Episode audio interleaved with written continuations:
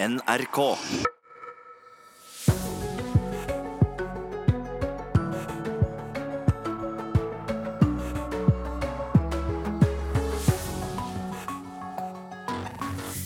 Politiet kan ha kommet litt videre i bortføringssaken på Lørenskog. Et vitne så menn med fiskestang og telelinse på en brygge 100 meter fra huset til Anne-Elisabeth Hagen. Det skriver VG nå.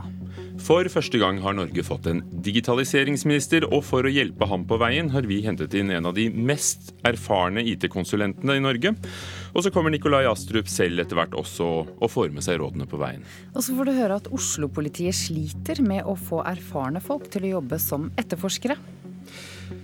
Du får også mm, høre hva, hva Oscar-akademiet må ta stilling til. For i går spekulerte vi om Oscar-nominasjonene. Nå er det jo kommet kort og grei oversikt over verdens mest omtalte filmpriser. Om de er fortjent eller ei, det kan andre bedømme. Velkommen til Nyhetsmorgen med Ugo Fermarello og Ida Creed. I dag er det 14 dager siden politiet gikk ut offentlig om forsvinningen og den mulige bortføringen av Anne-Elisabeth Hagen. Den 68 år gamle kvinnen hadde da allerede vært savnet i ti uker, mens politiet hadde gjennomført en omfattende etterforskning helt i det skjulte. Politiet har gått ut med et tydelig budskap om at alle som kan ha sett noe før eller rundt den 31. Eh, på Fjellhamar, må si fra til politiet. Og i dag forteller eh, flere vitner til VG om litt spesielle observasjoner i området. Reporter Øyvind By Skille, du har satt deg inn i dette. Hva er det disse vitnene forteller at de har sett? Eh, VG har jo snakka med to personer som begge to eh, forteller om sånne observasjoner. og Det de forteller, er at de har sett Eh, flere menn, eh, østeuropeiske, antar dem at de er ut fra hvordan de snakker, pluss at de i tillegg eh, ble observert ikke så langt unna en bil med østeuropeiske skilter. Og de her mannspersonene skal jo da ha fiska veldig kort vei fra boligen til Anne Elisabeth Hagen, som er forsvunnet. Så kort at det er under 100 meter, og man kunne se opp til boligen. I tillegg så sier det ene vitnet at de hadde med seg et stort kamera med ei lang, lang eh, telelinse. Eh, som var eh, Han stussa veldig på at de både hadde kamera og fiska og oppførte seg rart og var veldig brysk og, og eh, ikke ja, hyggelig i forhold til andre turgåere i dette området. Ja, Kan du minne oss litt på hva slags område dette egentlig er? Det her er jo da det området like ved boligen til Anne-Elisabeth Hagen og Tom Hagen, som er han mannen hennes, som jo uh, hadde store verdier, og som man derfor mener at kan ha noe å si for forsvinninga. Uh, og boligen ligger da ved et vann som heter Langvannet ved Fjellhamar i Eh, Lørenskog kommune. Og, og, det er et område med mye turgåere. Det er et område som brukes av lokalbefolkninga, og det er heller ikke lang vei til kommunehuset rett på andre sida av vannet. Så det er ikke et bortgjemt område, så det er mye folk der eh, generelt sett. Så hvordan håndterer politiet slike vitneopplysninger? Politiet har jo vært veldig tydelig på at de vil ha så mye informasjon som mulig. Og det som typisk politiet gjør i sånne her saker, at de samler inn masse. Så prøver de å systematisere det og lage tidslinjer og se ok, her hadde vi en observasjon, klarer vi å tidfeste den? F.eks.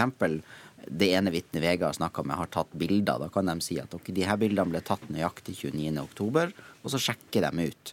Kan det her stemme? Koble det med andre vitneopplysninger. Og så kanskje de finner ut hvem de her mystiske mennene var, og kan snakke med dem. Så hvor uh, konkrete spor virker det da som politiet nå har å gå etter? Eh, politiet har jo sagt at de til, nå sagt at de har ikke noe veldig konkret å gå etter. De har ingen mistenkte eller et spor om at uh, kvinner skal være på et bestemt sted. Men de har jo gått ut med bl.a. Uh, noen bilder av noen menn også, som de har bedt om opplysninger om. Sånn at de har noe å gå på. Men de personene er jo heller ikke identifisert per nå. Ja, hvorfor er det sånn egentlig at politiet etterforsker dette som en bortføringssak? Det skyldes eh, det vi har fått vite etter hvert, etter at de gikk ut med saken, at det skal ha ligget igjen et brev eller noen papirer i boligen til Tom Hagen og Anne-Elisabeth Hagen, der det ble gjort klart at hun eh, skulle bare leveres tilbake mot eh, store pengesummer. Takk, reporter Øyvind Bye Skille. Som du sikkert har fått med deg nå, Ingvild Smines Tybring-Gjedde er landets første samfunnssikkerhetsminister. Men eh, siden 2013 er hun den femte statsråden i Justisdepartementet som har ansvaret for beredskapspolitikken. Vi kunne ønsket oss mer kontinuitet, sier statsminister Erna Solberg. Dette er et område vi løfter opp i fokus nå for å sikre at vi har et godt fokus, og vi flytter oppgaver fra Forsvarsdepartementet. Så eh, kunne vi jo godt ønsket oss enda mer kontinuitet i det. Derfor er en av grunnene til at jeg ikke gjør så mange andre endringer i hele regjeringsapparatet. Men jeg tror ikke å få en egen statsråd som har hovedfokus, bryter kontinuitet. Før hun ble statsminister, lovet Solberg å styrke beredskapen i Norge. Etter Gjørv-kommisjonens flengende kritikk av innsatsen 22.07 var det særlig koordineringen som skulle bli bedre. Siden Solberg tiltrådte, har det vært en rekke utskiftinger og endringer i Justis- og beredskapsdepartementet. Og i går presenterte hun sine nye statsråder på en pressekonferanse. Tybring-Gjedde får ansvar for å koordinere arbeidet med samfunnssikkerhet, IKT-sikkerhet og beredskap. Siden 2013 har regjeringen satt i verk en historisk og etterlengtet satsing på samfunnssikkerhet og beredskap. Jeg synes likevel at det er behov for å koordinere dette arbeidet sterkere. Ikke minst i et år hvor ny sikkerhetslov setter krav til tett oppfølging av alle samfunnssektorer. Alle nye statsråder skal få en sjanse til å vise at de kan gjøre en jobb. Det er et viktig felt. Men det det egentlig forteller en tung historie om, er at dette feltet har vært dårlig håndtert i de årene vi har hatt etter 2013. Sier Arbeiderpartiets leder Jonas Gahr Støre. Han mener at enhver regjering som tiltrådte i 2013, ville styrket beredskapsarbeidet. Så selvsagt er vi kommet lengre på mange områder. Støre viser til at Stortinget senest i desember vedtok hard kritikk av regjeringen i terrorsikringssaken. Også politireformen har vært omstridt.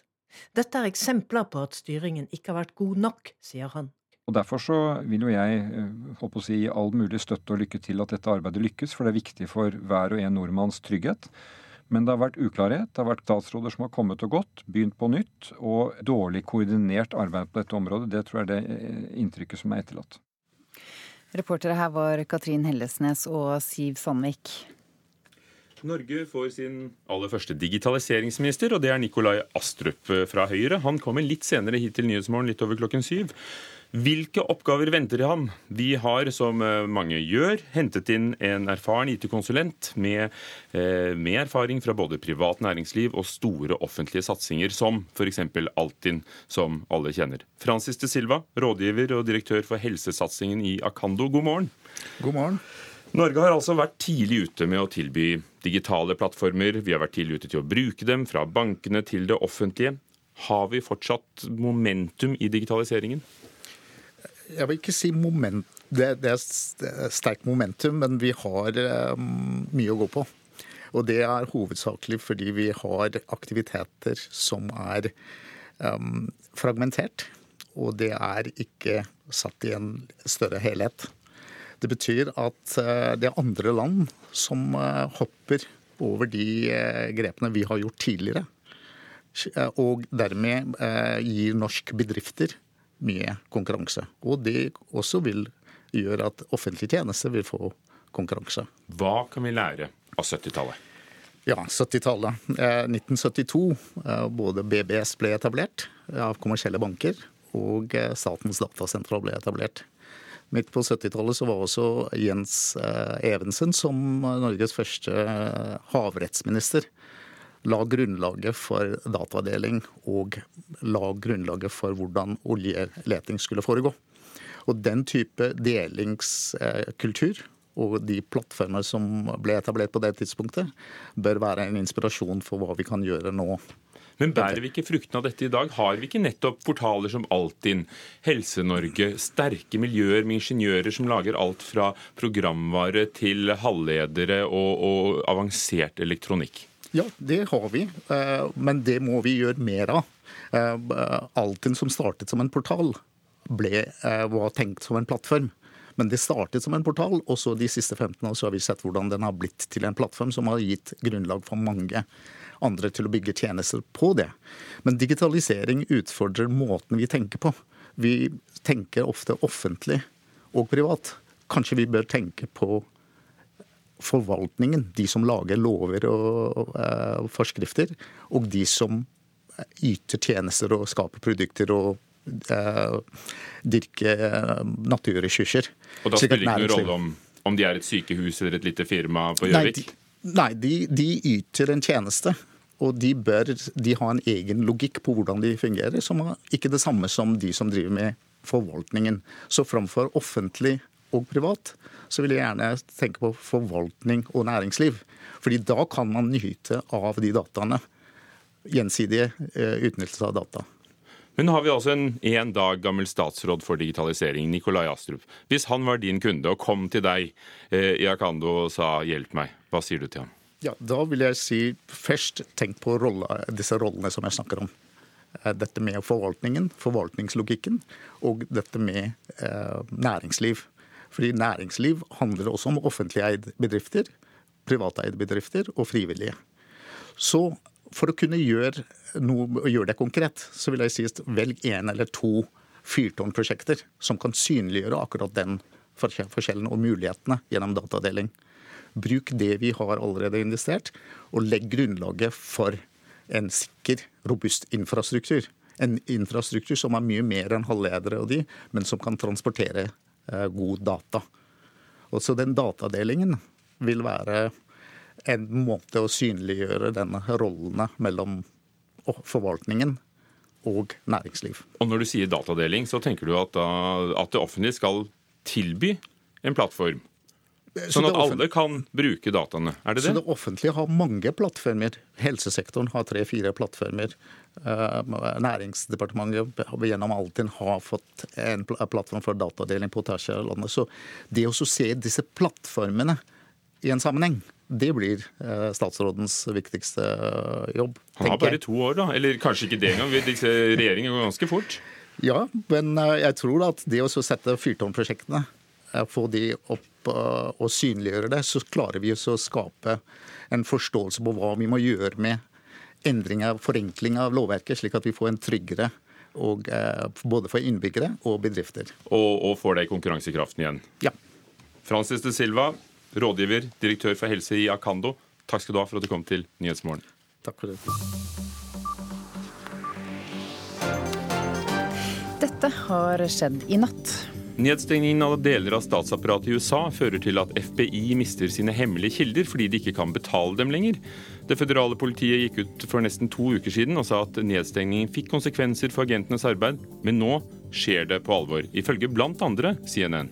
Donald Trumps advokat fortsetter å krangle med pressen og sier i et nytt intervju at det aldri var noen konkrete planer eller tegninger for byggeprosjektet i Moskva, men det at det bare var på tankestadiet, sier Trump. Men BuzzFeed News har lagt frem noen av de flere hundre sidene med forretningsdokumenter, e-poster, tekstmeldinger og arkitekttegninger samlet inn gjennom et helt år med graving i denne saken, som altså viser noe helt annet. USA og opprørsgruppen Taliban forhandler om fred. USAs utenriksdepartement bekrefter at spesialutsending Salmay Khalidzad er i Qatar og Doha for å møte opprørsgruppen Taliban med mål om en fredsavtale for Afghanistan.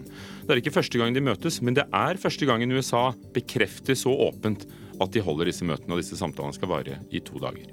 Dette får du vite mer om hvis du følger med på NRK Nyheter utover dagen samarbeidet virkelig en av Norges mest kjente politimenn og ekspert på organisert kriminalitet med en av de største hasjsmuglerne som er avslørt gjennom tidene? Det er spørsmålet som juryen i Borgarting lagmannsrett skal avgjøre i dag. Og så er det jo historisk, da, for det er Norges siste rettssak med en jury. Tyrkias president Recep Tayyip Erdogan og Russlands president Vladimir Putin møtes i dag i Moskva. De skal prøve å finne løsninger sammen i Syria. Det kan bli vanskelig, for de står jo på hver sin side i konflikten. Russland og den syriske regjeringen støtter Iran, mens Tyrkia støtter opprørsgruppene mot Syrias president Bashar al-Assads styrker.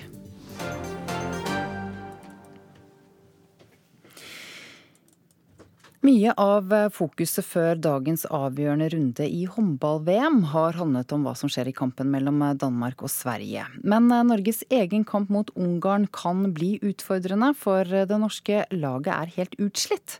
Landslagssjef Christian Berge er likevel imponert over lagets moral. Vi er sliten, eh, så eh, de viser en vanvittig moral og mental styrke når de går inn og tar, eh, tar, de poengene der. For to kamper på to dager tok på for Norge. Nå sliter flere av lagets viktigste spillere før dagens kamp mot Ungarn. Kaptein Bjarte Myhrvold har en skade i foten, som han beskriver som å løpe med en tegnestift i skoen. Christian Sølven klarte knapt å stå i pressesonen etter kampen mot Sverige. Og i samme kamp kom Sander Sagosen med et ønske han aldri har kommet med før. Han kommer først og spør om å bytte, og det tror jeg aldri har opplevd før. Eh, for han er helt ned på eh, null av krefter. Sagosen innrømmer at han var helt på stålet da han måtte be om å bli byttet ut. Eh, jeg var oppe i lilla sone, skal jeg si det rett ut. Jeg var ekstremt sliten der en periode, og jeg merka den kampen dagen før litt mer enn jeg hadde håpa jeg ikke skulle. Superstjernen merker hardkjøret etter et tøft mesterskap og en lang sesong i forkant. Han sier det er umulig å få hvile. Eh, det har ikke så mye tid til å hvile, egentlig. Eh, jeg har fått hvila litt i dag, fått trent litt styrke og fått rensa systemet litt. og Det er det vi kan gjøre. Eh, vi skal vinne den kampen i morgen, og da har vi bruk for min, min hjelp. Så, så enkelt det. Ellers er det bare å stå i det. Det sitter mye i hodet, og det, det er mye vilje som er bor hos mange hos oss. Men landslagssjef Berge nekter å la Sagosen hvile i den viktige kampen mot Ungarn. Kan det bli aktuelt å la han hvile med tanke på det som kommer seinere mot, mot, Ungarn? La han hvile mer? Ja, men det, det handler igjen om å, om å, ta de poengene som, er, som, vi, som, vi, må ta. Eh, det vi har fokus på mot Ungarn, er å få de, de delene av spillet vårt til å bli enda bedre. Det, det mangler noen marginer ennå. mangler noen prosent som jeg ønsker at vi skal heve oss på, og det, det skal vi prøve å få til. Reporter her var Jonathan Simshai Hansen. Du hører på Nyhetsmorgen, klokken er blitt 6.49. Vi har disse hovedsakene akkurat nå. Like før Anne-Elisabeth Hagen fra Lørenskog ble antatt bortført, har et vitne ifølge VG sett to fiskere med kamera og telelinser på brygga 100 meter fra Hagens hus på Lørenskog, altså i Akershus. Utnevnelsen av en minister for samfunnssikkerhet minner oss på at feltet har vært dårlig håndtert i det siste. Det mener Arbeiderpartiet. Oslo-politiet sliter med å få erfarne folk til å jobbe som etterforskere. Dette går utover målene og kravene politiet nå får, mener eh, politiet selv. Vi trenger erfarne etterforskere for å, at vi skal oppnå de resultatene som, eh, som kreves av oss. Det sier Grete Lien Metli, leder for etterretning og etterforskning i Oslo-politiet. Men det å få gode etterforskere er ikke lett. Oslo-politiet har nemlig utfordringer med å få erfarne politifolk til å jobbe med etterforskning, og dette går utover flere ting. Utfordringa vår er selvfølgelig at hvis vi ikke har nok kapasitet nå, så er det vanskelig å nå alle de kravene og målene vi har satt til etterforskning.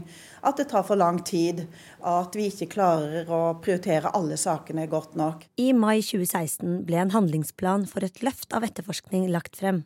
Ifølge handlingsplanen hadde Riksadvokaten over tid uttrykt bekymring for kvaliteten på politiets etterforskning men Metle sier det er vanskelig å rekruttere. Det er relativt få som søker seg til eh, disse oppgavene, som har eh, god etterforskningsbakgrunn og erfaring. Politiets Fellesforbund mener problemet strekker seg langt utenfor hovedstaden. Vi eh, opplever akkurat det samme i alle de tolv politidistriktene. Det sier Sigve Bolstad, leder i Politiets Fellesforbund. Problematikken er lik. Eh, og Den har vi også kartlagt, og det er en klar tilbakemelding jeg får fra samtlige tolv eh, lokallagsledere. Bolstad forklarer at en av utfordringene er at etterforskere har lav status i politiet. Det, det, er, litt, det er, litt, interessant, egentlig. Hvis man ser på, se, verden for øvrig og Europa for øvrig, så er jo det å være detektiv og det å være etterforsker eh, har jo en høy status. Eh, mens i Norge så har man eh, klart det stikk motsatte, nemlig å ikke få opp eh, statusen. og det må det definitivt gjøres noe med. Hva kan gjøres? Ja, det som kan gjøre, For det første må man gjøre det mer attraktivt. Man må se på lønn og lønnsnivå og lønnsutvikling der. Den er særs lav, dessverre. Så må man se på de gode intensjonene i etterforskningsløftet. Det handler om å rekruttere, det handler om å beholde, det handler om kompetanse, det handler om utvikling. Det handler rett og slett om å gjøre dette eh, attraktivt. Det sa Sigve Bolstad, som er leder i Politiets Fellesforbund, til reporter Mari Sand Malm. Snurr film, Hugo. For eh, det må de i hvert fall gjøre, de medlemmene av det amerikanske filmakademiet. For nå vet de hvilke filmer de skal forholde seg til når de skal dele ut Oscar-statuettene. Filmbransjens i hvert fall mest omtalte priser. Kulturreporter Brage Lijord. Hvordan ser nominasjonslistene nå ut? Det er uh, mye her som er uh, omtrent som forventa. Det er Kanskje det mest overraskende er at det er superheltfilmen Black Panther. På, at den er en av de listene som En av de filmene som står som nominert til beste film. Det er den første superheltfilmen som er nominert i den kategorien noensinne. Så det er jo litt gøy. Eh, I tillegg til eh, den så står eh, storfilmer som Roma, Bohemian Rhapsody, A Star Is Born og The Favourite nominert i, i, kategorien Best film, som er kanskje den, den mest omtalte av Oscar-prisen Oscar igjen. You're telling me that the king of a third world country runs around in a bulletproof catsuit? I waited my entire life for this. Fra superheltfilmen Black Panther, en av favorittene, er det andre som utpeker seg? Ja. Eh, Netflix sin, sin, nye storfilm 'Roma' er nominert i hele ti kategorier. Eh, så den eh, seiler helt klart opp som, som favoritt her. Det er også første gang en, en film produsert av Netflix, som primært har gått på Netflix og ikke gått så mye på kino, virkelig gjør seg gjeldende på, på Oscar-fronten. Så det, at de har klart å bli nominert i ti kategorier, det er veldig, veldig imponerende. Men det er klart det er, det er veldig åpent ennå. Altså. Alt kan skje. Og så er vi jo glad i å se etter norske forbindelser, selvfølgelig. Er det noen? Eh, det er ingen, ingen norske filmer eh, som er nominert etter at eh, Hva vil folk si? ikke, ikke slapp gjennom nåløyet eh, i år. Men eh, vi har en, en 14-åring i Hammerfest eh, som heter Zainal Rafea. Som, som, spiller hovedrollen i filmen 'Kapernium', som er nominert i beste fremmedspråklig film. Så det kan jo, kan jo tenkes at det kommer en pris til Norge likevel. Og det ligger et veldig fint intervju med ham på nrk.no. Og, han, eh, og filmen går jo på kino fortsatt, og så er det norsk filmfotograf. Takk skal du ha, Brage Li Jord. Det arbeides fremdeles for et nytt norsk skogfinsk museum på Svullerøya på Grue Finnskog. I fjor søkte museet om 95 millioner kroner til en ny bygning på statsbudsjettet, men fikk nei. Men drømmen om et nytt museum lever fortsatt. Utstillingen er stengt i dag, eller? Ja, vi har, vi har, jo ikke ressurser til å holde alt åpent på en gang, vi. Så eh, jeg åpner den på bestilling, slik som for deg nå. Dag Råberg låser opp døra til utstillingslokalet. Han er direktør ved Norsk Skogfinsk museum på Svullerøya. I tillegg til noen karakteristiske bygninger har museet over 30 000 gjenstander, flere hundre tusen fotoer og over 50 000 bøker fra den skogfinske kulturen samla gjennom nesten 80 år. Men museet sliter med å få vist det fram. Det er en og en halv eh, skolesal. Og det er her vi har eh, temautstillinga vår, en årlig temautstilling som vi da bytter ut hvert år. Gamleskolen på Svullerøya grue Finnskog ble lagt ned allerede på 70-tallet, og fungerer i dag som museum og kontorlokale for de ansatte i museet. Trangt og litt kaldt. Og... Hvor litt kaldt er ja, det er kaldt, ja. så da det er som kaldest om vinteren, så er det faktisk eh, litt for kaldt til å sitte rolig inne på kontoret. Så det hender jeg må uh, flytte meg til andre plasser, og det er altfor kaldt. Etter et forprosjekt med en arkitektkonkurranse søkte museet om å få bygge rundt 1600 kvadratmeter, og håpet å få 95 millioner kroner gjennom statsbudsjettet, men fikk nei. Nå jobber direktøren med en ny søknad. Sjøl om vi fikk avslag på søknaden vår om midler til et eh, nytt museumsbygg for 2019, så betyr ikke det at søknaden var dårlig.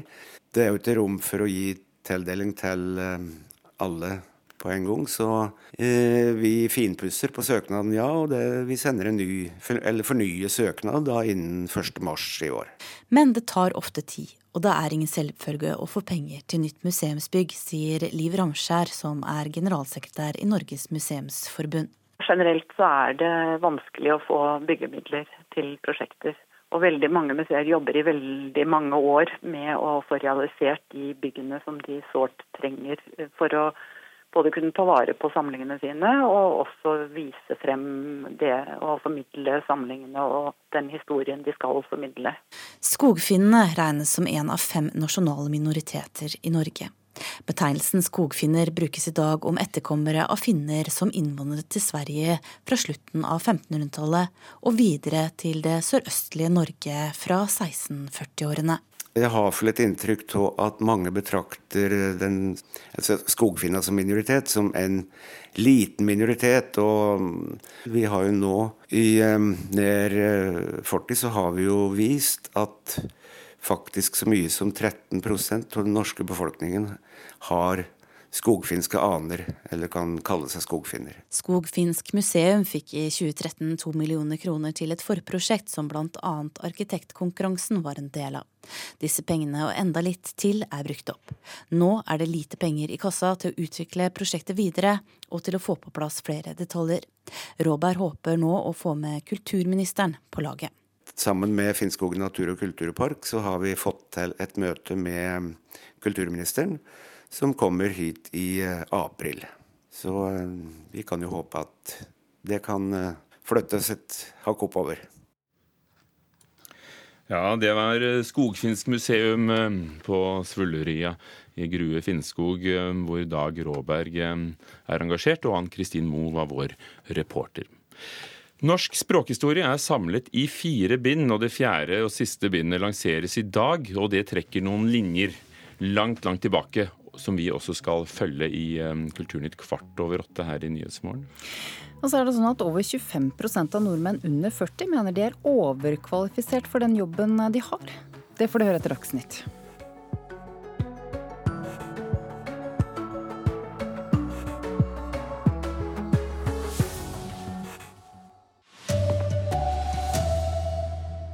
Mystiske menn med telelinse og fiskestang er sett rett ved huset til savnede Anne Elisabeth Hagen. Siden 2013 har Norge hatt fem forskjellige statsråder med ansvar for beredskapspolitikken. Her er NRK Dagsnytt klokka sju. Like før Anne Elisabeth Hagen ble antatt bortført, har flere vitner ifølge VG gjort spesielle observasjoner like ved Hagens hus på Lørenskog i Akershus. Politiet vil ikke bekrefte tipsene overfor avisa. Reporter Øyvind Bye Skille forteller mer om hva vitnene skal ha sett. Det de forteller, er at de har sett Eh, flere menn, eh, østeuropeiske antar de at de er ut fra hvordan de snakker, pluss at de i tillegg eh, ble observert ikke så langt unna en bil med østeuropeiske skilter. Og de her mannspersonene skal jo da ha fiska veldig kort vei fra boligen til Anne Elisabeth Hagen, som er forsvunnet. Så kort at det er under 100 meter, og man kunne se opp til boligen. I tillegg så sier det ene vitnet at de hadde med seg et stort kamera med ei lang, lang eh, telelinse. Eh, som var eh, Han stussa veldig på at de både hadde kamera og fiska og oppførte seg rart og var veldig brysk og, og ikke ja, hyggelig i forhold til andre turgåere i dette området.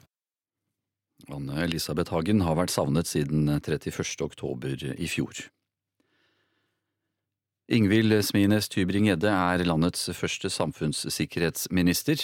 Men siden 2013 er hun den femte statsråden i Justisdepartementet som har ansvar for beredskapspolitikken. Vi kunne ønsket oss enda mer kontinuitet, sier statsminister Erna Solberg. Dette er et område vi løfter opp i fokus nå for å sikre at vi har et godt fokus, og vi flytter oppgaver fra Forsvarsdepartementet. Så eh, kunne vi jo godt ønsket oss enda mer kontinuitet i det. Derfor er en av grunnene til at jeg ikke gjør så mange andre endringer i hele regjeringsapparatet. Men jeg tror ikke å få en egen statsråd som har hovedfokus, bryter kontinuitet. Tyrkias president Recep Tajib Erdogan og Russlands president Vladimir Putin møtes i dag i Moskva. Tyrkia er opptatt av en såkalt sikker sone nord i Syria. De to landene spiller sentrale roller i det krigsherjede landet, men Erdogan og Putin står på hver sin side i konflikten. Russland og den syriske regjeringen støtter Iran, mens Tyrkia støtter opprørsgruppene mot Syrias president Bashar al-Assads styrker. USA og Taliban forhandler om en fredsavtale for Afghanistan. En talskvinne i USAs utenriksdepartement bekrefter at en utsending er i Qatar for å møte opprørsgruppa Taliban. Samtalene skal etter planene vare i to dager. NRK Dagsnytt Anders Borgen Werring.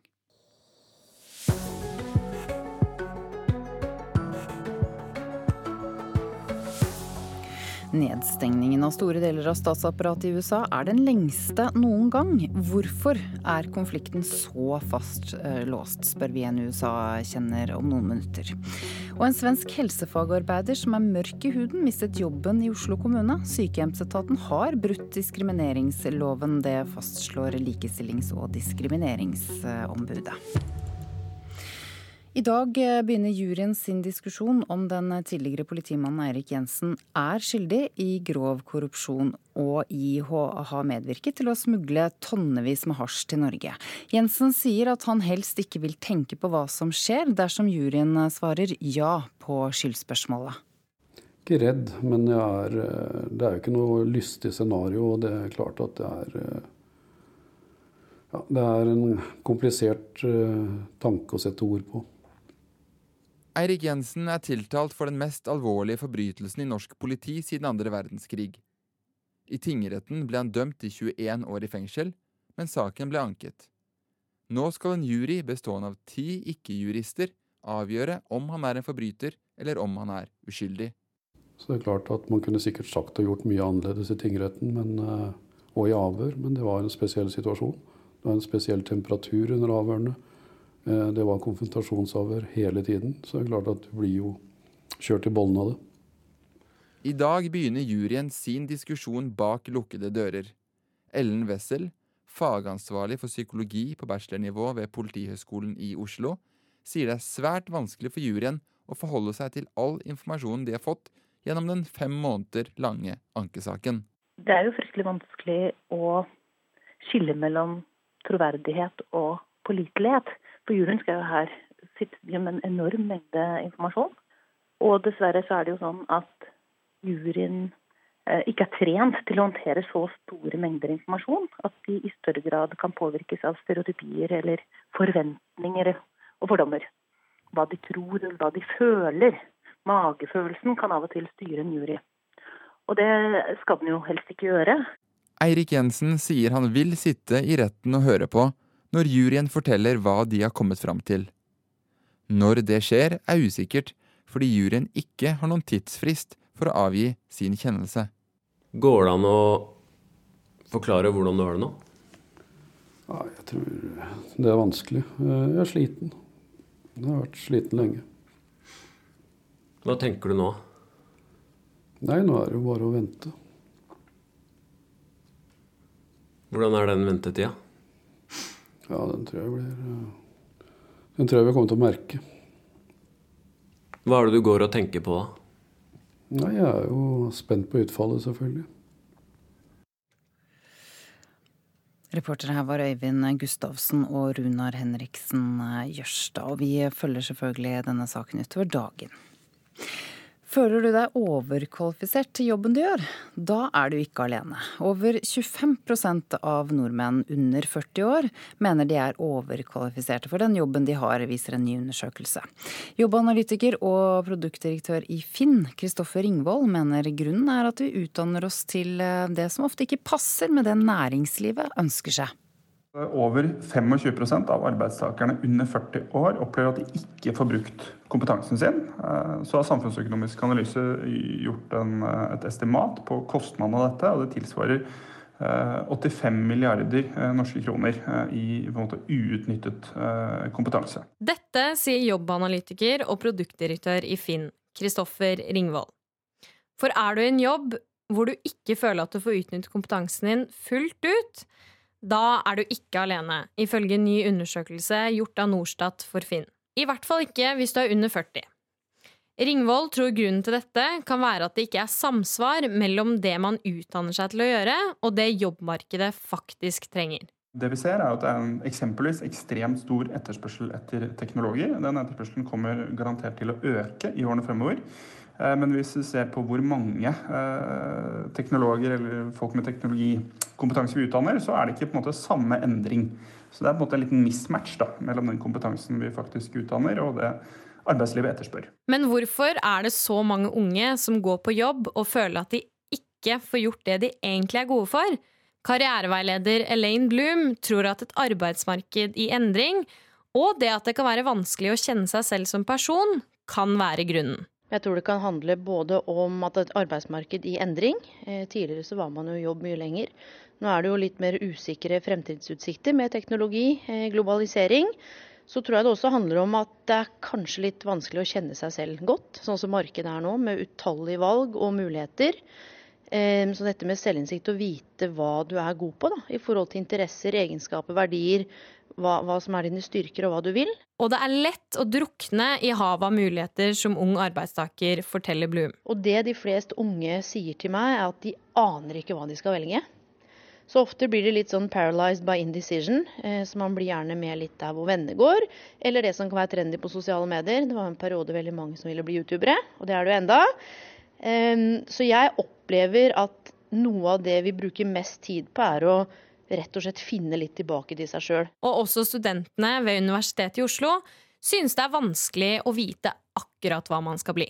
Det var veldig mye velging i starten, så jeg gikk mellom masse forskjellige studier og liksom var litt usikker på hva som kanskje var best for meg. Det var absolutt vanskelig, så jeg begynte ikke å studere rett etter videregående. Jeg tok noen år bare å reise og litt forskjellig, eh, til jeg fant litt mer ut hvor min interesse lå, da. Ja, det er valgmuligheter å se for seg hva man skal bruke utdanninga til etterpå, som gjør det vanskelig. Og noen siste tips fra karriereveilederen du som arbeidstaker kan ta med deg.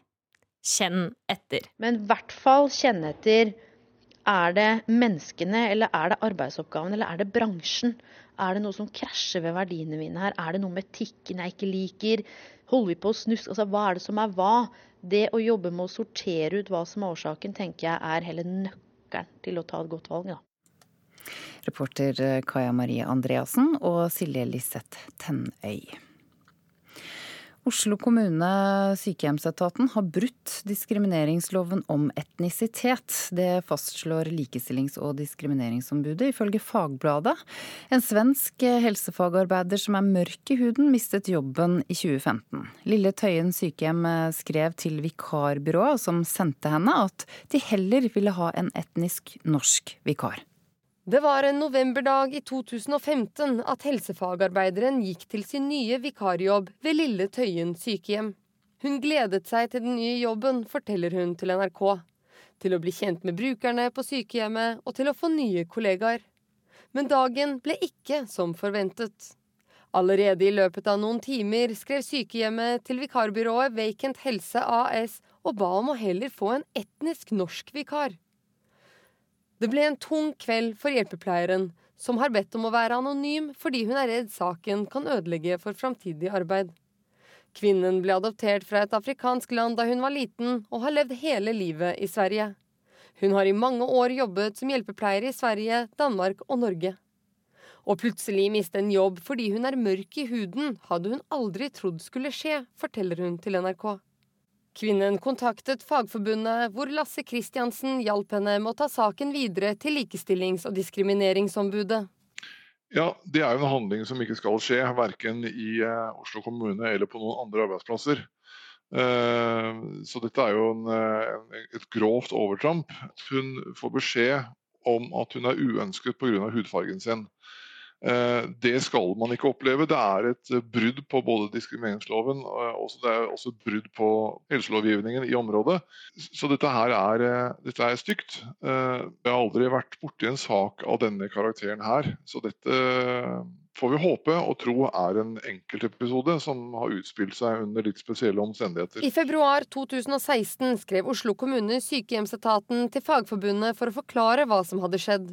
Der sier de at de hadde en beboer ved avdelingen som reagerte kraftig mot personer med ikke-etnisk norsk opprinnelse og mørk hudfarve, og at han ble sterkt voldelig. Fagforbundet stiller seg skeptisk til dette. Nei, altså Vi har jo ikke mottatt noen dokumentasjon som sier at det var en bruker eller beboer som var utagerende. Vi har fått eh, oversikt over eh, journalen, eh, men ingenting som peker i den retningen. Også kvinnen det gjelder, reagerte på kommunens forklaring. Til NRK sier hun at det ikke var beboerne som var rasistiske, men personalet og de nye kollegaene hennes. I mai 2017 slår Likestillings- og diskrimineringsombudet fast Oslo kommune sykehjemsetaten har brutt diskrimineringsloven om etnisitet, og helsefagarbeideren ble diskriminert da Lille Tøyen sykehjem ba bemanningsbyrået Vacant Helse AS om å erstatte henne med en etnisk norsk vikar.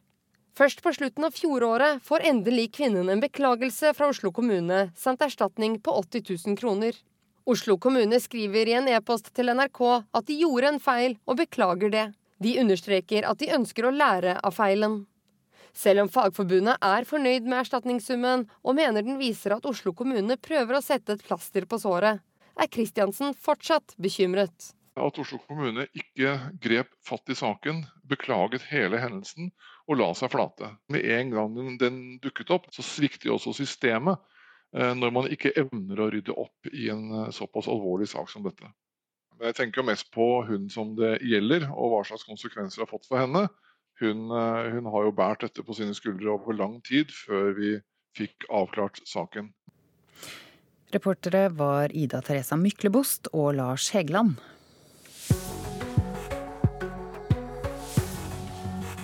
Klokken er 7.14 akkurat der. Det er Nyhetsmorgen du hører på med disse hovedsakene. Én av fire unge mener de er overkvalifisert for den jobben de har. Men med telelinse og fiskestang ble sett rett ved huset til savnede Anne Elisabeth Hagen før hun forsvant, sier et vitne til VG i dag. Og siden 2013 har Norge hatt fem forskjellige statsråder med ansvar for beredskapspolitikken. Vi skal til eh, USA nå, for det er jo fortsatt store problemer med denne delvise nedstengningen av statsapparatet. Nedstengningen er den lengste noen gang. Konflikten handler jo i stor grad om pengene som president Donald Trump krever å få inn eh, i statsbudsjettet for å kunne bygge en grensemur mot Mexico. Vi snakker 5,6 milliarder dollar. Trump vil ha disse pengene til en mur, men demokratene sier nei. Og dermed går eh, konflikten og tiden. Presidenten har foreslått løsninger, men disse er blankt avvist fordi demokratene mener de er for dårlige. USA-ekspert ved Institutt for informasjon informasjon og medievitenskap ved Universitetet i Bergen, Hilmar Mjelde. Velkommen til Nyhetsmorgen. Takk. Hva er det egentlig som gjør at denne konflikten er så fastlåst? Den har jo i realiteten nå eh, blitt eh, slaget om Alamo for eh, begge parter her. Der ingen er villig til å gi seg. Dels skyldes da en generell politisk polarisering i USA som er er blitt ganske lammende for hele systemet. Og dels har det noe med denne muren i seg sjøl å gjøre. En mur er jo i utgangspunktet altså Det er en fysisk ting, et redskap som funker noen plasser. Andre plasser funker den ikke. Eh, men debatten handler ikke om dens tekniske meritter. Eh, muren er nærmest eh, blitt noe talismansk. Den har en enorm symbolverdi for begge parter nå. Mm og derfor vil de ikke gi seg. Ja, hvorfor er denne muren verdt å la flere hundre tusen amerikanere stå uten lønn i månedsvis? Nei, eh, altså den, den, muren, den, For Trump så, så var den en eh, veldig bra ting i hans valgkamp. Den fikk han valgt i, eh, 2016. Den var en stor ressurs for han da. Og han frykter at uh, hvis han nå gir seg på tap, så blir det hans versjon av uh, Bush, uh, junior, Bush senior sitt valgløfte ingen nye skatter, som han brøt og ble hardt rammet for. Så Trump frykter nederlaget hvis han gir seg på dette her. Mm. Og for, for, for, ja, for demokratene sin del så anerkjenner de den symbolverdien muren har for Trump. Og den er blitt en veldig på en måte en ressurs for de òg for å påføre, eh, påføre han et nederlag. Mm. Ja, hva sier den fastlåste situasjonen om samarbeidsklimaet i amerikansk politikk akkurat nå? Nei, det, det, er nærmest ikke til stede. Altså, Amerikansk eh, politikk, systemet der, er bygd på en kompromissvilje. Ting skal gå treigt. Partene skal snakke, partene skal forhandle for å, å få ting gjort. Eh, det systemet der har brutt sammen pga. at kompromissviljen er, er, ikke der. Partene er så politisk polariserte. Og I denne situasjonen her så har begge partene et institusjonelt ansvar for å komme til eh, en løsning. Eh, dette her som skjer nå, er 50% Trumps feil, det er 50 demokratene sin feil. Og uh, Nå ser jeg riktignok tegn til endring i Senatet denne uka. Ja, Trump gikk jo ut i helgen med et kompromissforslag for å få gjennom, om ikke da en mur, så i hvert fall et stålgjerde langs grensen til Mexico. Hva har han egentlig oppnådd med det? Vel, uh, de, de, kommer ikke til å oppnå uh, en løsning, og det tror de heller ikke på umiddelbart. Poenget med det forslaget der, som skal stemmes over i morgen i Senatet, det er for republikanerne da eh, å, å framstille demokratene som de urimelige, som de som ikke vil forhandle. Eh, de som ikke vil eh, diskutere noe kompromissforslag, og dermed da liksom ikke bryr seg nok om de 800 000 berørte arbeiderne. Så det som skjer i Senatet nå, er taktisk, en taktisk omstilling for å prøve å øke presset på demokratene fra republikanerne. Er det grunn til å tro at det foregår noe i kulissene her, hemmelige forhandlinger, for å løse denne klemma? Ja, altså denne svigersønnen han er blitt en ganske sentral spiller her. Eh, han driver nå og tusler med et eller annet i, kulissene. Visepresidenten gjør det. Eh, og så er det en del andre i Senatet òg. Faktisk denne senatslederen Chuck Schumer, som hele tida krangler med Trump. Han, han, og Trump liker jo hverandre egentlig, så hva som skjer der, det er ikke godt å si. Jeg tror i hvert fall at en løsning i denne saken der, den vil måtte komme i Senatet. Eh, for at i, i, i, i Underhuset, da, altså Representantenes hus, det der eh, opposisjonen i Demokratene er mest intens. Så det er Senatet som vil være nøkkelen for å få en løsning på konflikten. Takk, USA-ekspert Hilmar Mjelde.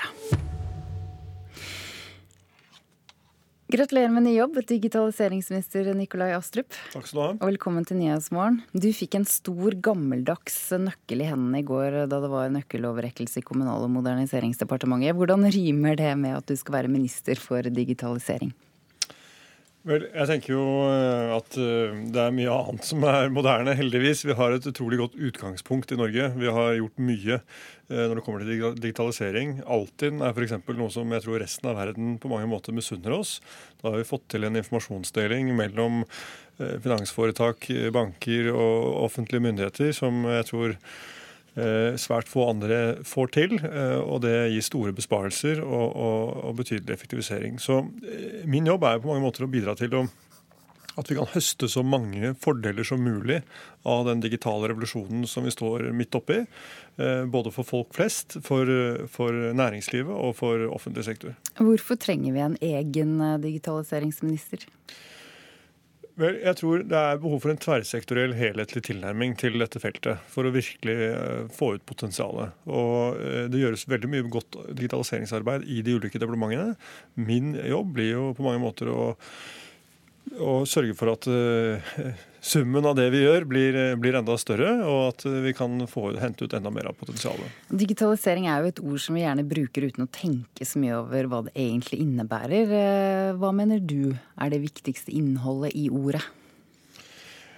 Jeg, jeg tror vi må se langt utenfor det at vi før gjorde ting på papir, det gjør vi nå digitalt. Dette handler jo om rett og slett en digital transformasjon. Å kunne gjøre ting på nye måter fordi vi har nye verktøy. Dette er jo et virkemiddel og ikke et mål i seg selv.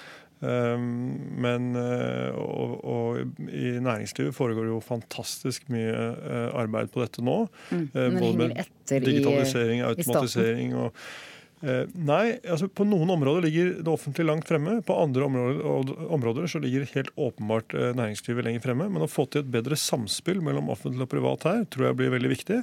Så tror jeg også det er et potensial for å lære av hva andre land gjør, hva som foregår andre steder.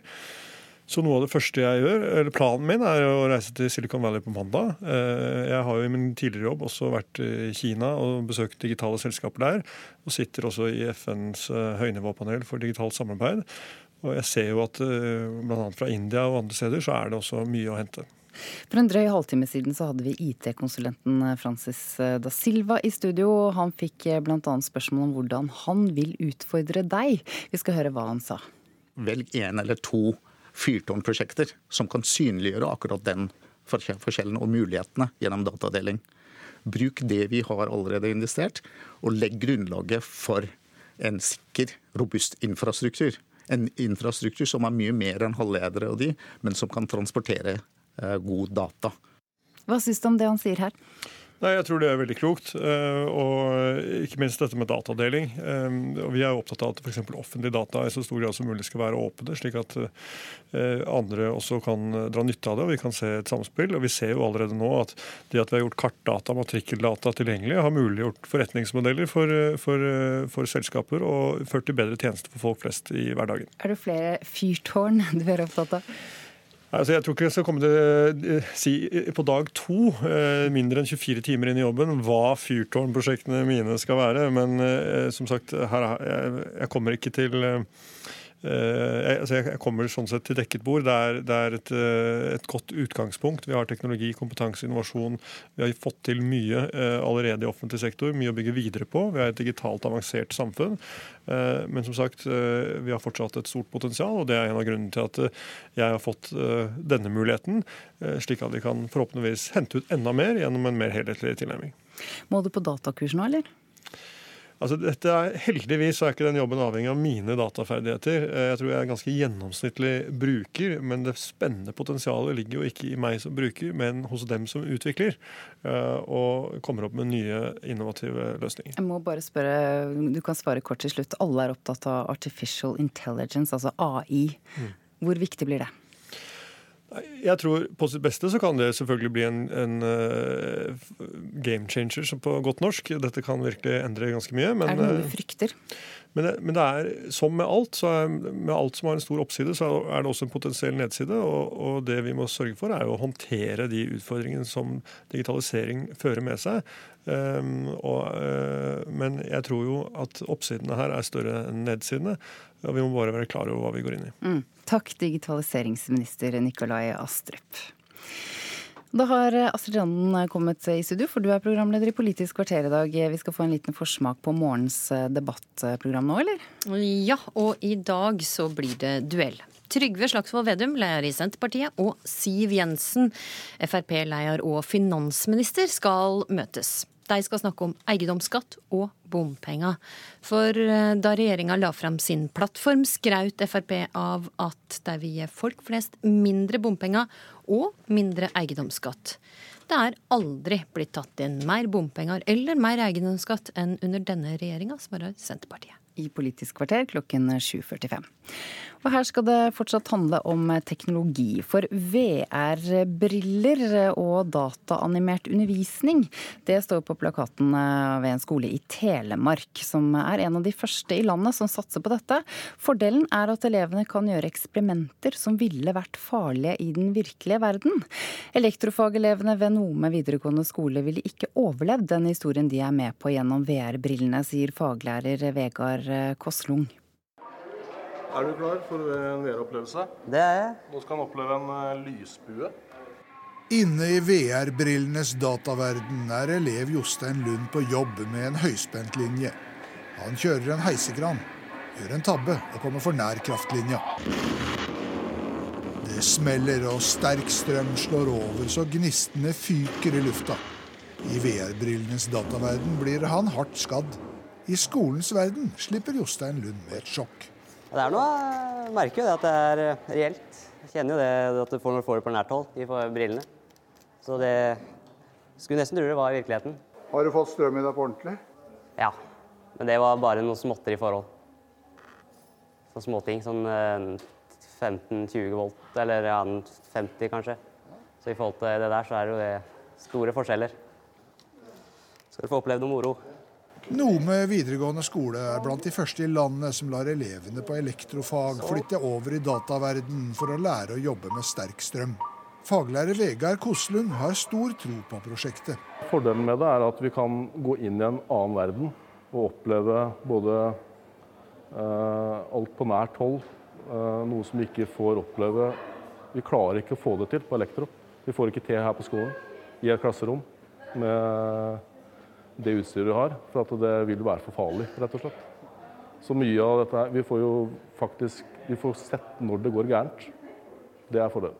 Og de elevene som har vært igjennom det så langt, de opplever at eh, ja, de får en ganske kraftig smell. Eh, De blir redde. Ja, de vibrerer jo i eh, både i kroppen, og, det, og du får veldig mye lyd inn på ørene, så du vil jo merke det her i hele kroppen, egentlig. Både visuelt og lydmestre. Skolen i Nome satser nå på et bredere tilbud med VR-undervisning i flere fag. Rektor Marit Synnøve Hoven tror dette er framtidas læring. Det gir eh, anledning for å hente ut mer av læringspotensialet hos hvert enkelt elev. Og vi tenker at det er veldig spennende bl.a. i både realfag og i yrkesfag. Det handler om HMS, og det handler om eh, djup forståelse. Det handler om å gi anledning til å lære om ting på skolen som enten er for farlig eller for komplisert, eller som rett og slett ikke er praktisk gjennomførbar. Hvis vi greier å få elektroelever til å skjønne mer hva sikkerhet innebærer, og, og følge våre elsikkerhetskrav i elektroyrket, da har vi kommet dit vi skal. Hvordan har du det nå? Eh, det var en ekkel opplevelse, det var det. Så det skjelver litt etter den hendelsen. Ja, det var eh, Elise Roaldstad, elev på elektrofaglinja ved Nome videregående skole. Du hørte til slutt her. Reporter i innslaget var Bo Lilledal Andersen. Du lytter til eh, Nyhetsmorgen på DAB pluss på nettet eller på en smarttelefon. Hvilke navn var mest populære i fjor? Om en halvtime kommer navnestatistikken, og førsteamanuensis i nordisk språkvitenskap ved Universitetet i Bergen, Ivar Utne, er gjest her. Lærere i Alta får ikke lenger lov til å kommunisere med elever og foresatte via Facebook-grupper. Grunnen er den nye personvernloven. Det får du høre i reportasjen etter Dagsnytt.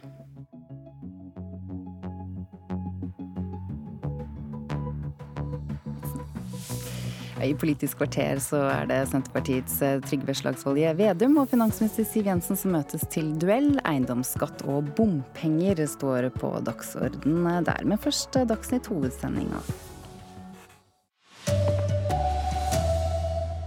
Mystiske menn med telelins og fiskestang er sett rett ved huset til savnede Anne Elisabeth Hagen. Én av fire unge mener de er overkvalifisert for jobben de har. Oslo kommune er dømt for diskriminering etter at en kvinne som er mørk i huden, mistet jobben. Her er NRK Dagsnytt, klokka er 7.30. Flere vitner forteller til VG om spesielle observasjoner tett på boligen til den forsvunne kvinnen Anne Elisabeth Hagen på Fjellhamar i Akershus. Den 68 år gamle kvinnen har vært savnet i 84 dager, og observasjonene skal ha vært gjort i tiden før hun forsvant. Politiet har vært tydelige på at personer som har sett noe i området den 31. oktober i fjor, eller rett før forsvinningen, må melde seg. Vi ber om personer som har vært i dette området onsdag 31.10 på morgenen eller tidlig formiddag dagene i forveien, eller som går tur i dette området regelmessig, om å melde seg til politiet. Det var budskapet fra politiinspektør Tommy Brøske da politiet til slutt gikk ut med forsvinninga og den mulige bortføringa. Det er to sånne her vitner som har vært i området ved boligen til Anne Elisabeth Hagen og ektemann og forretningsmann Tom Hagen, som nå forteller sin historie i VG. De to vitnene har vært på tur ved Langvannet på Fjellhamar og kan fortelle om menn kledd i mørke klær som har oppført seg litt merkelig. Personene skal ha oppholdt seg på ei flytebrygge der de tilsynelatende fiska, men samtidig hadde de med seg et kamera med et kraftig teleobjektiv. Stedet er under 100 meter fra boligen der Hagen kan ha blitt bortført, og politiet har tidligere vært åpen på at eventuelle gjerningspersoner kan ha rekognosert før de gjennomførte ei bortføring. Politiet ønsker også tips og opplysninger fra personer som kan ha registrert aktivitet, ikke nødvendigvis eh, mistenkelig, men i området eller i nærheten. Politiet sier til VG at vitneobservasjonene avisa omtaler er to av mange de har fått inn etter at de gikk ut med forsvinninga.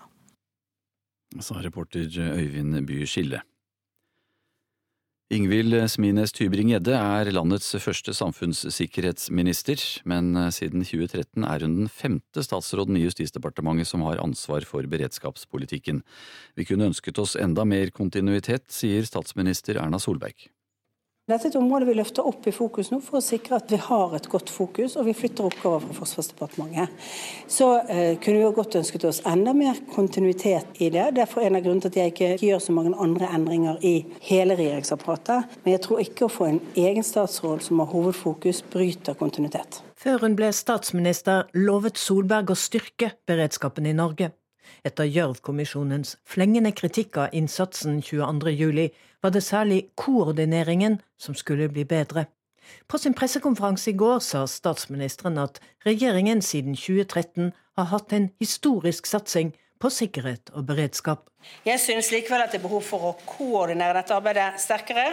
Ikke minst i et år hvor ny sikkerhetslov setter krav til tett oppfølging av alle samfunnssektorer. Jeg mener at eh, dagens utnevnelse bare minner oss på at det har vært eh, uklarhet og dårlig koordinering i forhold til hva vi kunne ventet på dette området.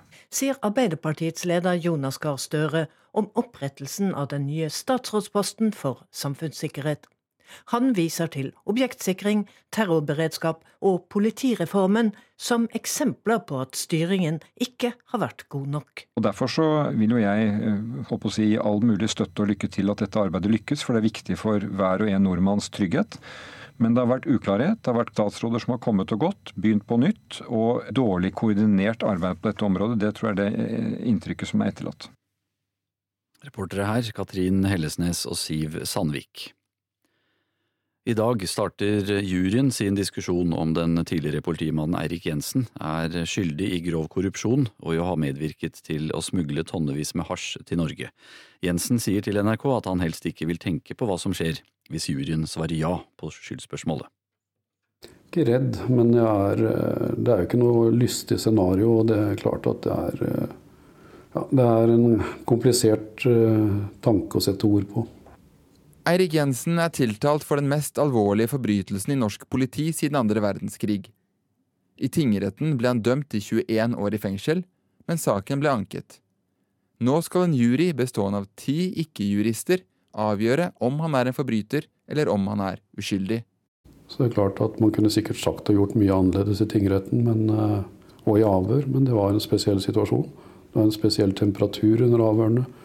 Eh, det var konfrontasjonsavhør hele tiden, så det er klart at du blir jo kjørt i bollen av det. I dag begynner juryen sin diskusjon bak lukkede dører. Ellen Wessel, fagansvarlig for psykologi på bachelornivå ved Politihøgskolen i Oslo, sier det er svært vanskelig for juryen å forholde seg til all informasjonen de har fått gjennom den fem måneder lange ankesaken.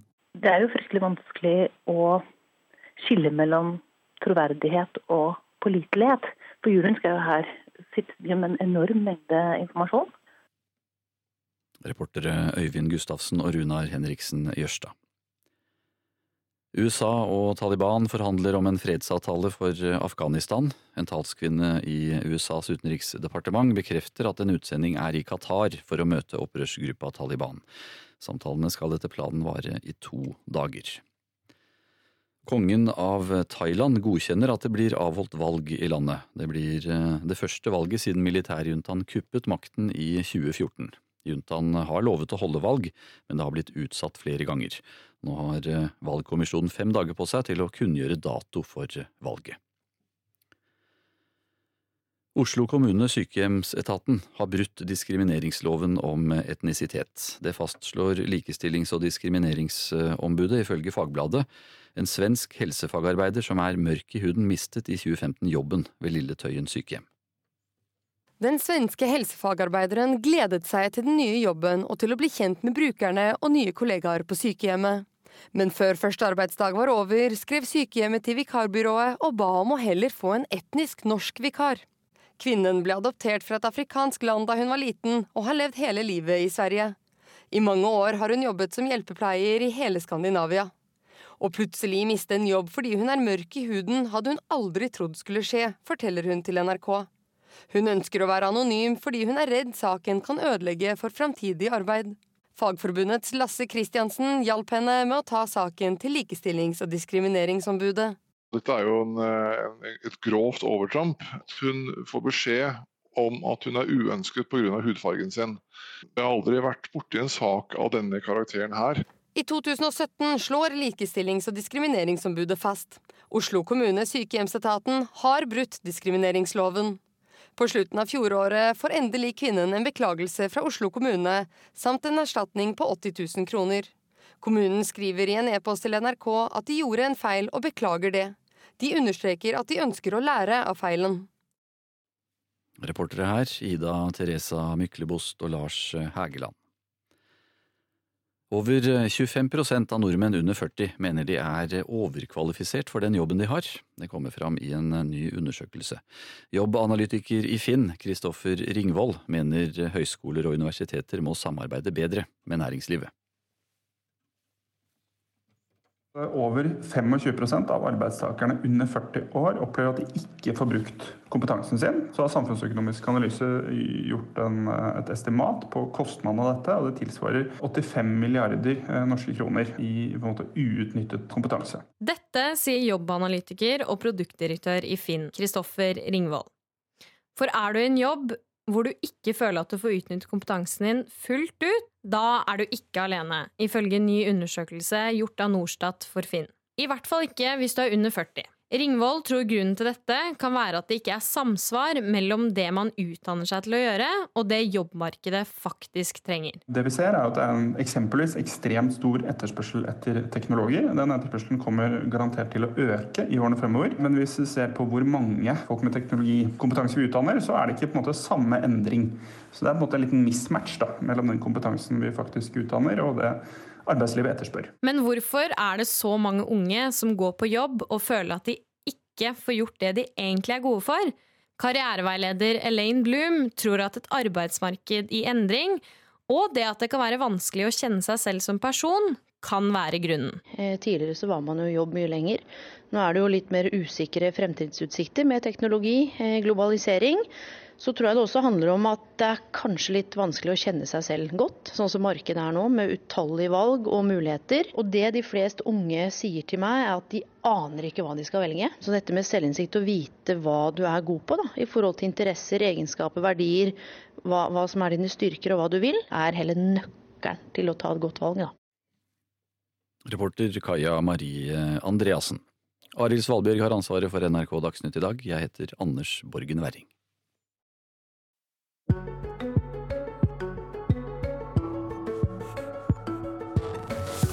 Du hører på Nyhetsmorgen. Lærere i Alta får ikke lenger lov til å kommunisere med elever og foreldre på Facebook-grupper.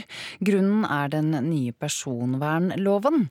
Alta kommune har sendt ut en ordre til skoler og barnehager om at lærerne nå må ut av de forskjellige klassegruppene på Facebook med øyeblikkelig virkning. Lærerne savner jo det å kunne være med på en gruppe, fordi det er veldig mye enklere. For det er jo der foreldre. Det er jo der elevene. Det sier Anne Brynhild Hykkerud, assisterende rektor ved Alta ungdomsskole. Her har de nå gått tilbake til papir og tradisjonell planlegging når de skal ha ut viktig informasjon til lærere, elever og foresatte. Det har ført til en mer klønete planlegging for lærerne, mener Hykkerud. Eh, på ungdomstrinnet har du valgfag, hvor kommer elever fra flere klasser som skal være i én klasse. F.eks. fysisk aktivitet og helse, natur, miljø og friluftsliv. Da er det enkelt å kunne ha en sånn Facebook-gruppe hvor alle elevene er med, sammen med den læreren som har akkurat det faget. For det her er ikke vanlig sånn time. Sånn, det er Møte opp her, møte opp der, ta med ditt, ta med datt. Og Da får du enkelt ut en beskjed, i stedet for å springe rundt på alle teamkontorene eller skrive inn på alle arbeidsplanene. Husk å ta det med. Og det må du huske da på da i Helse 14, 14 dager før ting skal skje.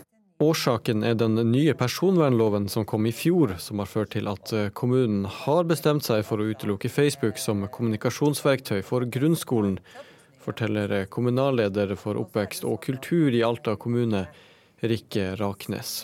De anbefalingene både fra vårt personvernombud, det er det Datatilsynet sier osv., det tar vi rett og slett etterretning og sier til skoler og barnehager at de ansatte kan heretter ikke være med i sånne grupper. Raknes ble råda å gå vekk fra Facebook av IKT-avdelinga i Alta kommune.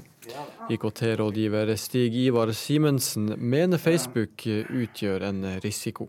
Jeg har jo selvfølgelig ikke forbudt, men jeg har påpekt at det er noen risikoer i det. Der er særskilt eh, skjerming av barn. Det er en risiko. Og så er det da Facebook som en kommersiell aktør som lever av å selge det vi legger på plattformen. Så det er to risikoområder. Det er altså frykten for at kommunikasjon mellom lærere og elever på Facebook kan bli misbrukt, som gjør at eh, skolene i Alta ikke lenger kan kommunisere effektivt gjennom gruppene. Det byr på problemer, sier elevrådssekretær ved Alta ungdomsskole, Ida Leirbakken. Pga. foreldrene er jo så uinkludert i ungdommens klassemiljø nå til dags. Lekser og innleveringer og turer og alle sånne ting. Og når vi hadde Facebook, så var jo foreldrene mer oppdatert om det. Og nå er jo ikke de det lenger. Så da ser man jo at det er jo elever som har slutta å levere innleveringer sånn fordi at man får ikke den samme oppfordringene fra foreldrene. Kommunalleder for oppvekst og kultur i Alta kommune, Rikke Raknes, håper ikke foreldrene bryr seg mindre om barnas skolegang uten Facebook. For Raknes er det viktig at personlige opplysninger blir sikra. Jeg skjønner jo jeg òg at det blir litt klønete, ikke sant? fordi vi er jo mange som er på Facebook daglig. Det er, lett, det er lett, å kommunisere der. Men eh, det er også så vidt viktig å, å sikre eh, disse personopplysningene og følge det lovverket som faktisk er. At vi heller får tåle at det får være litt mer klønete, rett og slett. Jo Hermstad Tronsen var reporter her.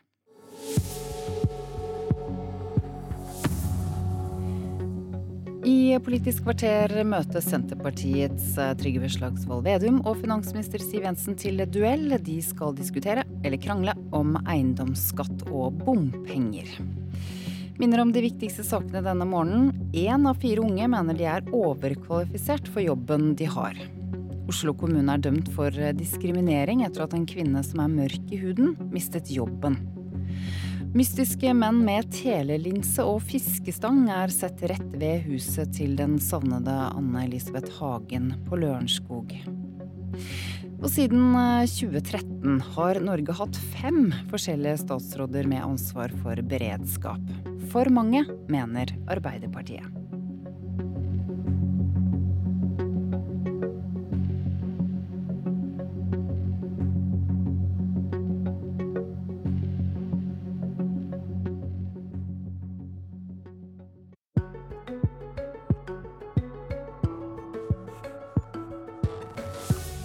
Den nye regjeringa vil gi folk flest mindre eiendomsskatt og kutte i bompengene, skryter Frp. Det er aldri blitt tatt inn mer bompenger eller mer eiendomsskatt enn under denne regjeringa, svarer Senterpartiet. Siv Jensen og Trygve Slagsvold Vedum møtes til duell.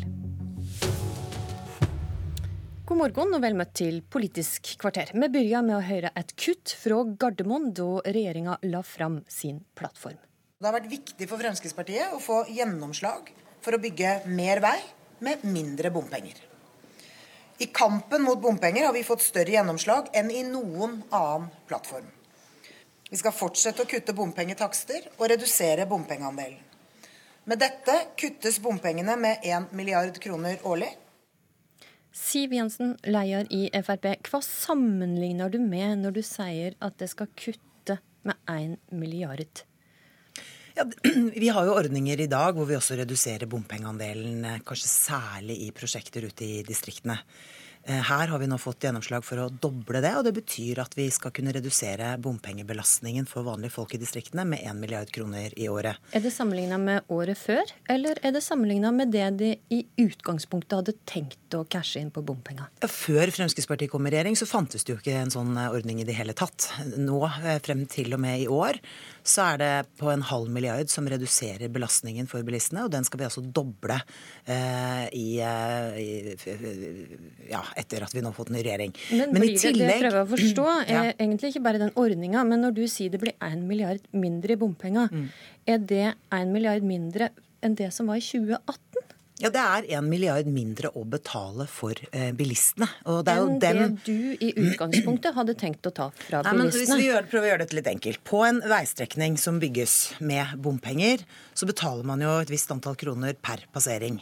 Hvis vi kan få redusert den betalingen du må gjøre for å passere i bommen, så betyr det færre utgifter for den enkelte hver gang man passerer en bom. Og under vår regjering så har også bompengebelastningen gått ned fra over 40% som var da Trygve Slagsvold Vedum satt i regjering, til 28% nå. Men det er jo riktig at det kommer Man kan også se dette enkelt på en annen måte, og det er å se hvor mye penger har staten tatt inn i bompenger hvert år? Ja, staten tar jo inn mer og mer i bompenger rett og slett fordi det bygges rekordmye vei. Derfor er det vært viktig for Fremskrittspartiet. Så når du sier det blir en milliard mindre da tenker du, da, det, da sier du at det kommer ikke til å bli mindre i bompenger totalt sett? Jo, fordi vi har jo fått gjennomslag for mange endringer samlet sett. Dette er én hvis jeg kan få forklare, programleder, Dette er én ordning som handler om å redusere belastningen i eksisterende prosjekter. Så har det jo nettopp vært et oppslag knyttet til rv. 3, hvor innbyggerne syns det er urettferdig at når man klarer å bygge prosjektet billigere, så mener man jo at det burde komme dem til gode. Det er vi enig i, og det har vi også fått gjennomslag i den nye plattformen. Det betyr at hvis man klarer å redusere kostnadene i byggingen av nye prosjekter, så skal også det eh, reflekteres i, i bompengene som folk skal betale. Men det er noe av det viktigste viktigste vi har fått til eh, i denne plattformen, det er at vi skal innføre noe helt nytt. Nemlig et fradrag for bompengeutgifter. Og det skal vi komme litt tilbake til. Jeg må bare få klarhet i den eh, antallet kroner og øre som staten tar inn i bompenger, har økt jevnt og trutt. Siden det tok over i 2013, tok det inn 8 milliarder. I 2017 den, eh, tok det inn 10,7 milliarder. Vil denne auken slutte? Ja, Det er jo en sammenheng da, dessverre i Norge mellom at vi bygger rekordmye vei og at det er eh, bompengebelastning. Det er jo sånn at det er bare Fremskrittspartiet som mener at staten skal ta en større del av eh, regningen når man betaler, bygger ut nye veier.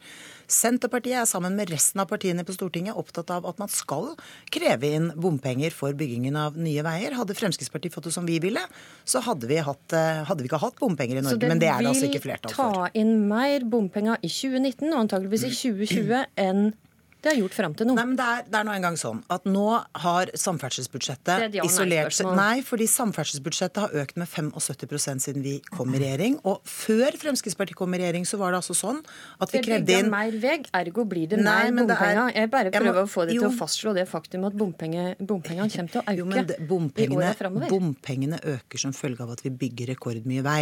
Men før, ja, eh, dermed, før Kan jeg bare få fullføre? Dermed før, så er 1 milliard kroner mindre. Det er en de pengene det i utgangspunktet hadde tenkt å ta inn. Ja, selvfølgelig. Og det handler jo ja. om at det skal bli en mindre belastning på folk flest. Men før vi kom i regjering, så var det jo sånn at bilistene betalte inn mye mer samlet sett i bilrelaterte avgifter og bompenger enn de fikk tilbake i form av eh, infrastruktur, ny vei osv. Og, så videre, og vedlikehold.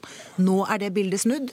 Nå betaler hver enkelt bilist inn mindre per hode enn de faktisk får tilbake i nye veier. Og det var et løfte Fremskrittspartiet ga, og det har vi holdt. Kan du si når bompengene kommer til å faktisk gå ned i kroner og øre? Ja, så Det gjør vi hvert eneste år. Vi har allerede denne tilskuddsordningen som reduserer bompengebelastningen i enkelte prosjekt med en halv milliard. Men når blir det mindre skal... bompenger enn 10,7 milliarder? Ja, men du må, du må, vurdere dette, hva det betyr i belastning for hver enkelt av oss. Det er jo derfor mange mennesker i dette landet opplever det som krevende. Det er når de selv må betale en uforholdsmessig stor andel i bompengeutgifter. og Det er jo derfor vi nå har fått gjennomslag både for å redusere belastningen i prosjektene, men i særdeleshet å innføre dette fradraget, som vil være veldig bra for mennesker som kjører i området med høye bompengeutgifter. Ok, Når de faktiske bompengene kommer til å gå ned, det fikk vi ikke noe svar på. Trygve Slagsvold Vedum, leder i Senterpartiet, hva syns du om bompengeløftene til Jensen?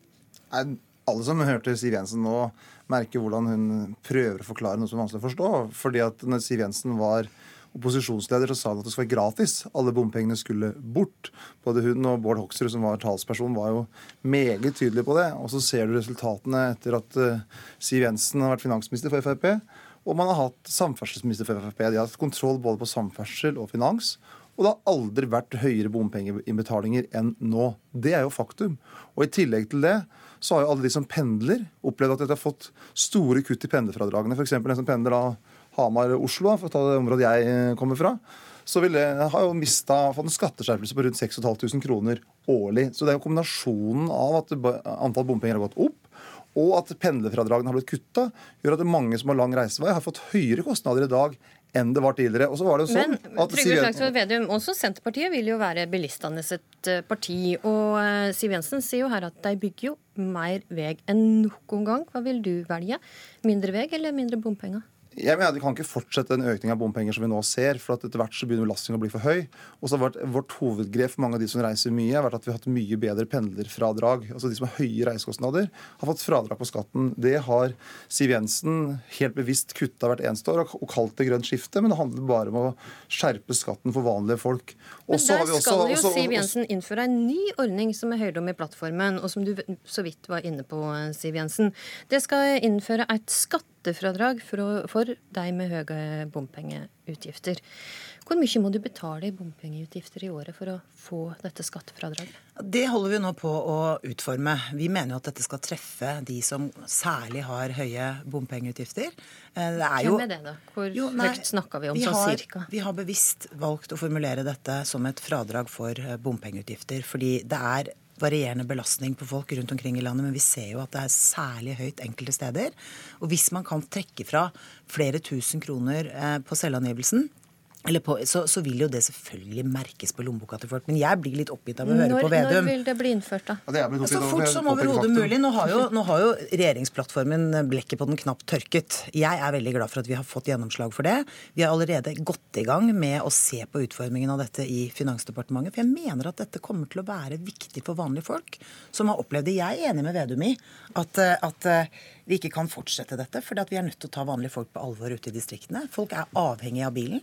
Da, derfor er jeg glad for at vi både har fått gjennomslag for mange viktige punkter når det gjelder bompenger, men ikke minst at vi skal fryse økningen i drivstoffavgiftene. For det er nå engang sånn at Vedum har jo bedt regjeringen om å se på hvordan vi kan øke avgiftene på fossilt drivstoff. Jeg mener at nå er grensen nådd.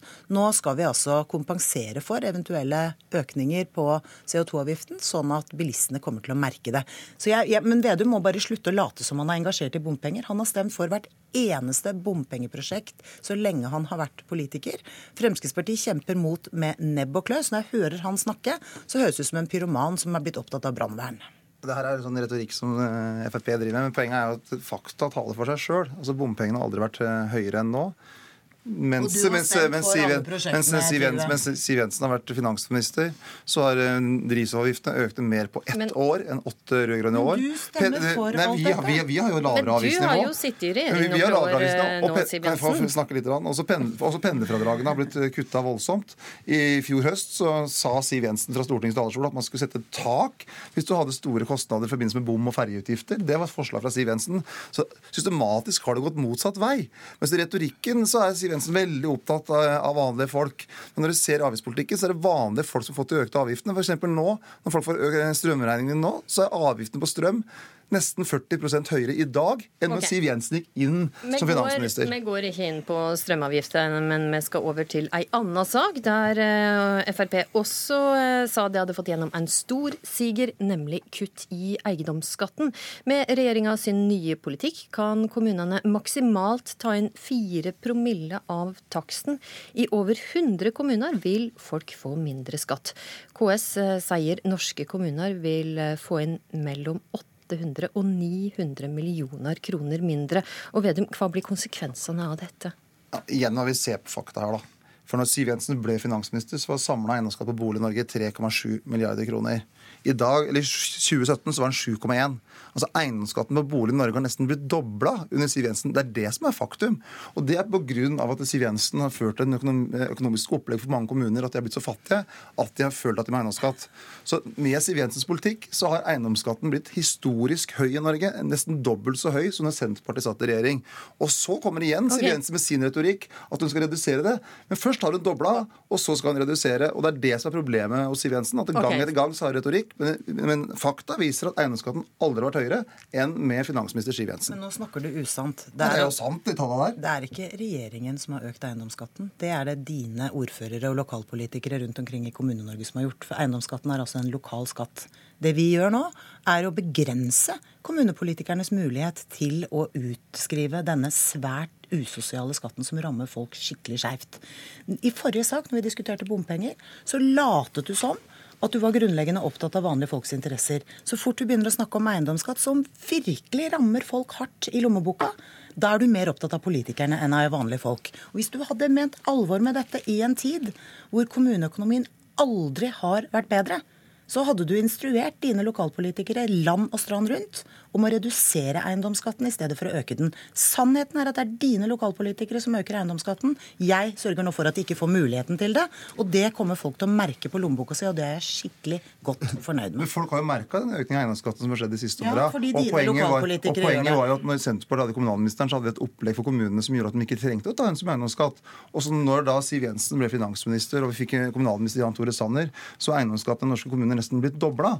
Og Det er jo faktum og konsekvenser av din politikk. Og du vet også med den triksinga de gjør nå med å sette ned eh, en promille, at takseringsgrunnlaget kommer til å endres mange plasser, så det blir ikke noen reell endring for folk flest. Skal vi få til en reell endring, så må vi gi mer penger til de fattige kommunene, så de slipper å ta inn eiendomsskatt. Det er svaret. For det konsekvensen av din politikk nå har at eiendomsskatten har gått opp år etter år etter år, også der Frp har hatt makt, nettopp fordi at man ser at det opplegget som regjeringa har gjort, er for dårlig, at det har gått utover sykehjem, skole og grunnleggende tjenester. Men eiendomsskatten er mye høyere i dag enn det var når du ble finansminister. Dette er rett og slett feil. Vi det er ikke altså feil at eiendomsskatten er høyere nå enn når du Nei, gikk på. for det er fordi okay, du har så skattekåte politikere rundt omkring i dette landet. vi har et lavere skattenivå for folk Nei, flest enn du vi har. har altså vi har Mm, styrket kan programlederen få komme inn et kommuneøkonomien lite kraftig. øyeblikk her, Og Siv dine lokalpolitikere skjerper eiendomsskatten over hele landet. Siv Jensen, hva vil du si til kommuner som nå må kutte? Hvor skal de finne penger?